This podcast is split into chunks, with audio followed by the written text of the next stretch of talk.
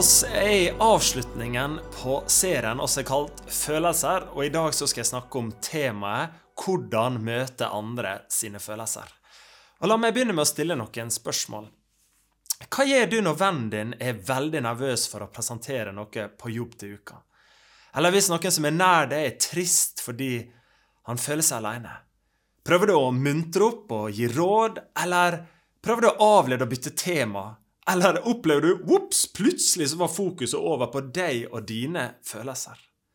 Du, Hvordan oss møter følelser hos andre, det har mye å si for det relasjonelle båndet mellom to mennesker. Og det har masse å si for den andres psykiske velvære. Det å møte andres følelser på en god måte er faktisk en nøkkelferdighet for å være en god venn, partner, foreldre og kollega. Og La meg starte med følgende.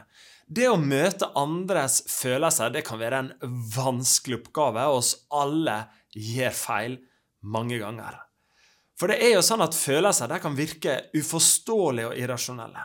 De kan være kraftige og brysomme, og så kan våre egne følelser få oss til å både si og gjøre ting som ikke er til hjelp for andre. Og så er ikke det til å slå under at hekti, en hektisk hverdag og en slitsom hverdag, og det at oss mennesker er veldig forskjellige, kan resultere i at oss verken har tid eller overskudd eller oppmerksomhet til å møte andre på en god måte. Og skal i løpet av de neste minuttene se på to fallgruver når det kommer til å møte andre sine følelser, og et eksempel fra Jesus om hvordan vi kan gjøre det på en bedre måte. Og Den første fallgruven den er kalt kun sannhet. Og En typisk fallgruve her er å utfordre hva den andre føler, ved å spørre på en eller annen måte er det riktig at du føler det slik. Det kan være f.eks. å overbevise deg om at det de føler på, er ikke så ille likevel. Du, dette ordner seg.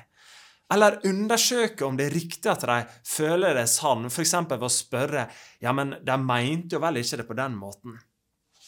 Det kan også være å be dem tenke positivt, eller enda verre ta seg sammen. Og Problemet med dette er at andre føler ikke seg forstått, og i verste fall kan føle seg dum eller feil som har det slik. En annen fallgruve er å komme med løsninger med en gang. Ofte så har jo en person tenkt på hva han eller hun kan gjøre, men det den trenger hjelp til, er jo å håndtere følelsesmessig behov for trygghet, trøst, bekreftelse, eller få tillatelse til å være sint eller sette grenser. Og Gjennom et langt liv som pastor så sier Rick Warren følgende om å møte andres vonde følelser. When people are in deep pain, they don't need explanation, advice, encouragement, or even scripture. They just need you to show up and shut up. Bare rett og slett å være med mennesker. Det er den helbredende tjenesten av nærvær. Og dette med å lytte og bekrefte følelser hos andre er jo noe oss menn dessverre er kjent for å være dårlige på. Når kjæresten eller en venn deler noe som er vanskelig, så er vi lett i å falle i grøften av å komme med løsninger eller begynne å overbevise. Og det kan jo være en tendens til å bli dårligere med dette med alderen også. En samtale er jo meint til å være som en tenniskamp der ordet går fra den ene til den andre. Mens enkelte den ser ut til å miste evnen til dialogen. De bare bytter på å ha monologer. Og Jeg har observert dette med litt humor når jeg ser på eldre karer på kafé. Når den ene er ferdig å prate, så svarer den andre 'Ja, nettopp! Nå skal du høre her, altså!' Og så bryter de inn med noe nytt eh, som de vil snakke om, som ikke tar opp noe av det den andre snakker om. Og sånn går samtalen. Hvis jeg skal dele et eksempel fra mitt eget liv, så kan jeg si at jeg blir oppriktig flau over meg sjøl når jeg tenker på hvor mange ganger jeg har feila å møte min kone sine følelser, sjøl om jeg har kunnskapen om hva som er riktig å gjøre. Og jeg vil legge til at uh, dette eksempelet her som jeg skal dele nå, det kan gi inntrykk av at Kristin eller jenter er sånne følelsesklumper som trenger bekreftelse. Kona mi er stødigheten sjøl, og det kan like, være, like ofte være motsatt. At oss menn er følelsesklumper. Bare spør kona mi. Men en klassisk situasjon er at oss har satt oss ned i sofaen og kanskje er ferdig med å se noe på TV.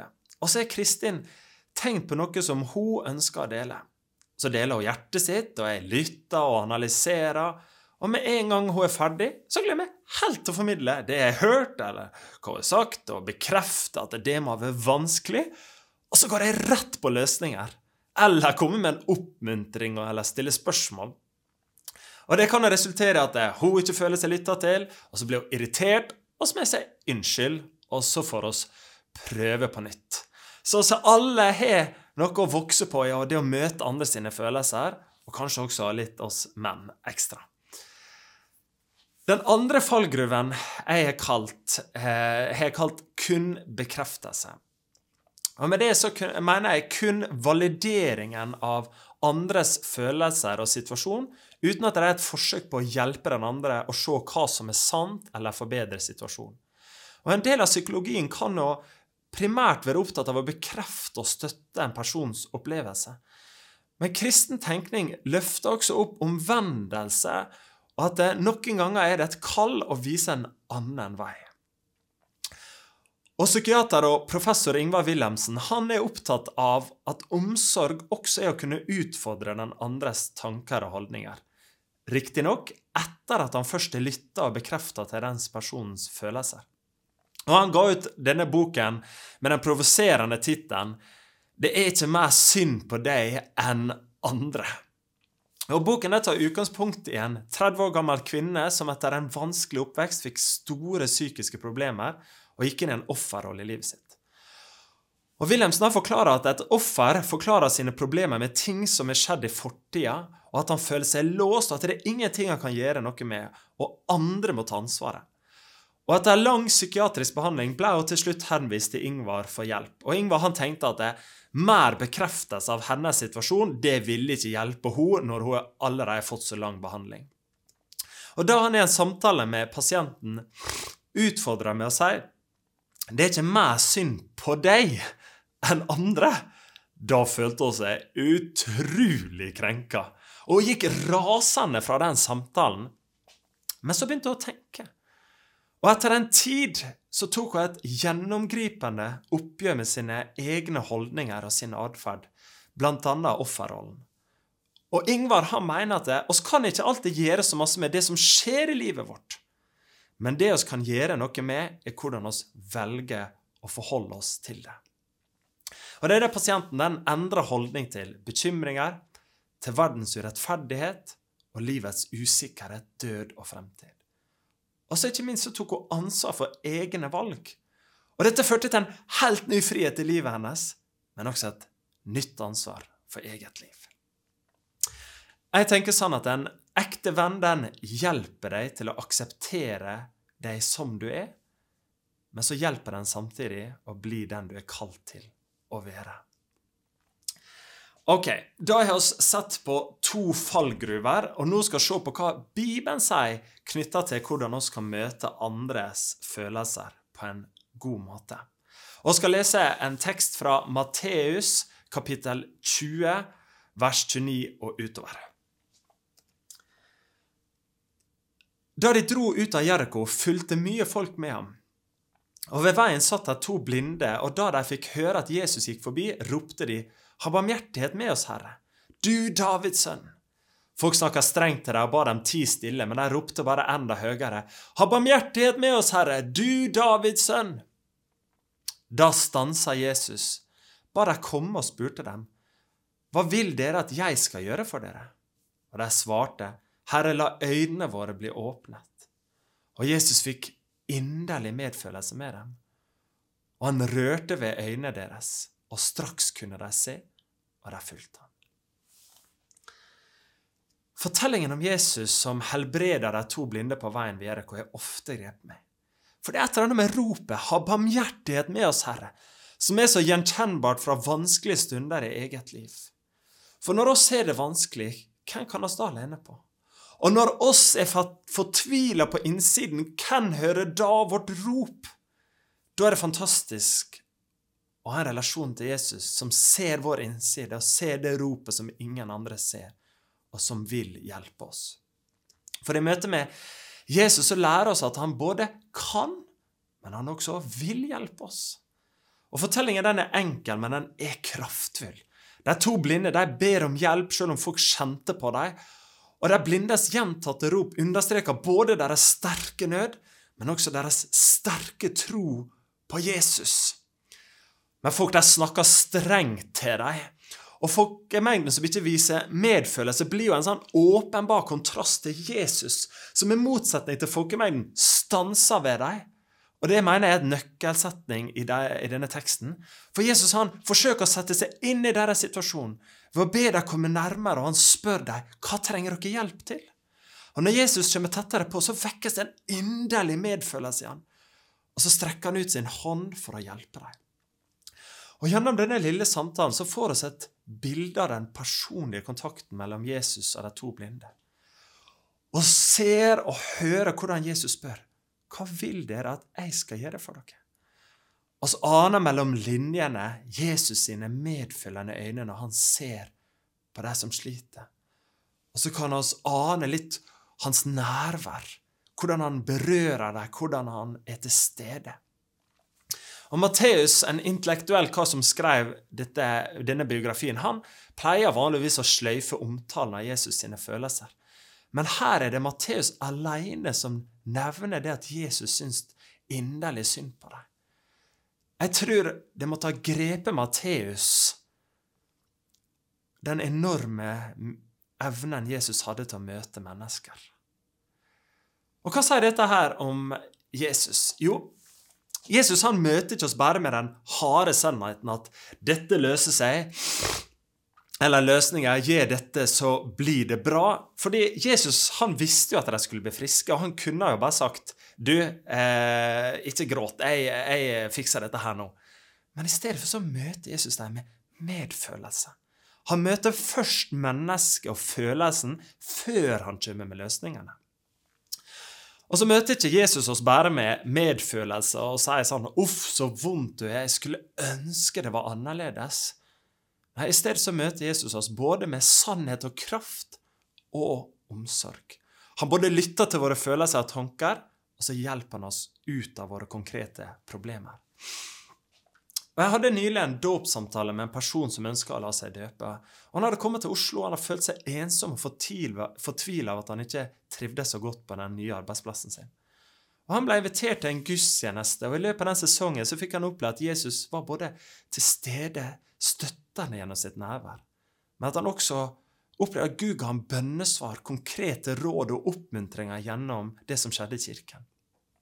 Og I sitt hjerte så hadde han som de to blinde ved Jeriko bedt, ha barmhjertighet med meg, Herre. Og så var det hans vitnesbyrd at han hadde fått bønnesvar.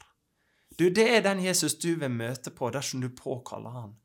For Jesus han kjennetegnes ved å stanse for den ene igjen og igjen, og elsker med en sånn stor kjærlighet. Og Derfor vil jeg at du skal be fremodig til Gud. Ha barmhjertighet med meg, Herre. For Jesus han bryr seg om deg. Og er det en ting som står igjen etter vår 2000 år lange historie med, med Jesus, så er det virkelig hans evne til å møte mennesker. Og det er ikke bare fordi vi kan lese om det, men det er fordi oss som kristne har fått erfare at han ser oss virkelig på innsida og møter oss som mennesker. Men som etterfølgere av Jesus så er oss dessverre ikke bare på mottakersiden av Guds nåde og hjelp. Oss er invitert til å ligne mesteren i hvordan han møter mennesker. Og hva er det oss lærer om Jesus fra dette møtet? Jo, både det å møte mennesker med empati og støtte, men også med konkret hjelp. Og Det bibelske prinsippet for dette her er kjærlighet i sannhet. Og Timothy Keller han sier følgende om dette bibelske prinsippet. Kjærlighet uten sannhet er sentimentalitet. Den støtter oss og bekrefter oss, men hjelper oss ikke å være ærlige om våre feil. Sannhet uten kjærlighet er hardhet. Den gir oss informasjon, men på en slik måte at oss ikke klarer å motta den. Og sann er Guds kjærlighet. Den klarer å balansere disse to for Guds frelsende kjærlighet på korset er prega av en radikal sannhet om hvem vi er, at oss er syndere og fulle av feil, og likevel en radikal kjærlighet og nåde om at oss er elska. Og når sannheten blir formidla i kjærlighet, da klarer vi å se sannheten i øynene og omvende oss og gjøre noe med livet vårt. Ok, det er den bibelske pakningen av hvordan oss skal møte andre mennesker sine følelser. Men hvordan kan vi rent praktisk møte følelser hos andre? Og Her finner vi god praktisk veiledning på dette i psykologilitteraturen. Men Det første vi må forstå, er at følelser signaliserer fire behov. Det første er at følelser trenger å bli sett. At eh, legger merke til at den andre føler på noe. Og her stanser jo Jesus, ser oss. Det andre er at følelser trenger å bli satt ord på. At vi viser at vi forstår hva den andre kjenner på. Og her spør jo Jesus hva kan jeg gjøre for dere? Og Det tredje er at følelser trenger å bli bekrefta. At vi viser at det gir mening at den andre reagerer slik. Og her uttrykker Jesus medfølelse. Og til slutt nummer fire. Den andre trenger å få et behov møtt, enten det er trøst, trygghet, bekreftelse eller sette grenser for seg sjøl. Og her kommer Jesus med hjelp. Og Jeg tenkte jeg skulle se litt nærmere på punkt to og tre. Fordi det viser seg å være faktisk det vanskeligste rent praktisk. Og Det handler om å bekrefte den andres følelser, som innebærer å vise at det de føler på, det gir mening for deg, og at det er OK for deg å føle det slik. Og Psykologene der kaller dette gjerne for validering. Og Det handler om å møte folk med empati, som handler om å prøve å sette ord på hvordan det må være for den andre, sjøl om kanskje det betyr at de kjenner enda sterkere på det. Og Det er utrolig forskjell mange forskjellige måter å vise en annen person at du forstår, og at det er mening. Hvis du møter noen som er triste, så kan det bare være å møte dem med et empatisk ansiktsuttrykk eller sukke og si 'nei, så leit'. Men psykologene snakker om at det er bedre og enda bedre å gå grundigere til verks. For den måten så kan vi møte mennesker enda bedre. Og de snakker om å gjengi essensen i innholdet, og på den måten vise at du har forstått og bekrefta den andres opplevelse. Og Her vil jeg bare komme med en liten presisering. Dette her er ikke det samme som å si at det de føler på, er sant. Men det handler om å anerkjenne at det, følelsen den er ekte, og det er greit at de har den. Du bekrefter at det er greit å føle det som den andre gjør, sjøl om kanskje ikke du ville ha følt det samme sjøl. Så til slutt er det en god regel at du kan vente med å komme med løsningsforslaget til personen faktisk ber om det. Fordi når du møter folk med empati og nysgjerrighet og åpenhet, så blir gjerne følelsene lettere å håndtere, og da finner folk som regel løsningen sjøl. Et eksempel på en validering kan være til noen som er redd for å presentere noe for jobben, kan være som følgende. Ja, men så klart du blir nervøs. Det kan jo være skummelt å stå foran andre og skulle snakke. Eller et annet eksempel for noen som er lei seg fordi de er arbeidsledig eller pensjonist. Det er ikke rart at du føler deg nedfor og er lei deg, for det er jo krevende å gå uten arbeid og ikke ha noe å fylle dagene med. Ok, superpraktisk da, helt til slutt. Sju tips til de som eh, ønsker å bli bedre på å møte andre sine følelser. Og Det første er at en god validering typisk kan være slik. Det er ikke rart at du føler deg prikk, prikk, prikk, fordi Og nøkkelordet der er 'fordi'. Det andre er at en validering aldri inneholder ordet 'men'. Fordi ordet 'men' det handler om å tilby en løsning eller overbevise eller oppmuntre hva den andre, eh, i forhold til hva den andre føler på. Og Når du har lyst til å si nei, eh, si 'men', da kan du heller si 'fordi'. Fordi det viser at du forstår. Og Dette er det mest praktiske rådet jeg kan gi. At når du kjenner det mennet i tungen din, at 'å, jeg skjønner at du er det vanskelig', men så må du svelge det ordet og la det få lov å komme ned igjen i magen. Og så henter du opp heller ordet 'fordi'. Jeg skjønner at du er det vanskelig. Fordi. Og så legger du til 'hva er det du ser'? Det tredje oppgaven din er at du i første omgang skal hjelpe vedkommende med det den føler, ikke utforske om det er riktig at de føler sånn. Så jeg har gått råd å prøve å unngå å muntre opp vanskelige følelser før du faktisk har vist at du har forstått og bekrefta. Det å prøve å unngå nummer fem ord som jeg skjønner og forstår, med mindre du faktisk prøver å gjenfortelle det, er lurt. Og så til slutt, her, de to siste, selv om du bekrefter, så er det fortsatt på sin plass noen ganger å hjelpe den andre å se andre løsninger og andre perspektiver.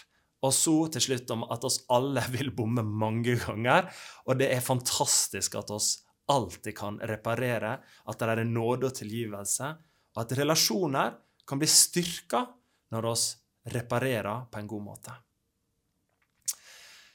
Helt til slutt så tenkte jeg at jeg ville trekke fram et eksempel fra en i kirka som brenner for å snakke åpent og ærlig om livet, og som jeg mener kan inspirere oss til å bli bedre på å møte andre sine følelser, både i vennegjengen, familie og i kjæresteforholdet. Og Den jeg snakker om, det er Kim Evensen, grunnlegger og daglig leder av Brothers, en bevegelsesorganisasjon som jobber for bedre vennskap mellom venn. Og Han brenner for at oss må bli bedre på å bli å være ekte og sårbare med hverandre, og lære å snakke sant om livet på en god måte. Og Den som har møtt Kim, har erfart at han lever det han lærer. Han er en ekte og ærlig og varm person som gjør det sånn på en naturlig måte at andre åpner seg opp for å være ekte og ærlig sjøl. Og Kim Evensen han trekker fram et viktig punkt om det å ta bevisste valg på dette området. og Han snakker til menn, men dette gjelder oss alle. If we as men don't decide how we want our friendships to look like, someone else will do it for us. Det jeg vil at du skal reflektere over til slutt, er hvordan vil du at dine relasjoner skal være? Da tror jeg vi faktisk må snakke sammen reflektere og utfordre hverandre om hvordan oss ønsker å prate med hverandre, og hvordan oss skal møte hverandre. Og jeg har lyst til å utfordre deg. Hvordan vil du at dine relasjoner skal være? Hvordan vil du at dere skal snakke sammen, og hvordan vil du at dere skal møte hverandres vanskelige følelser?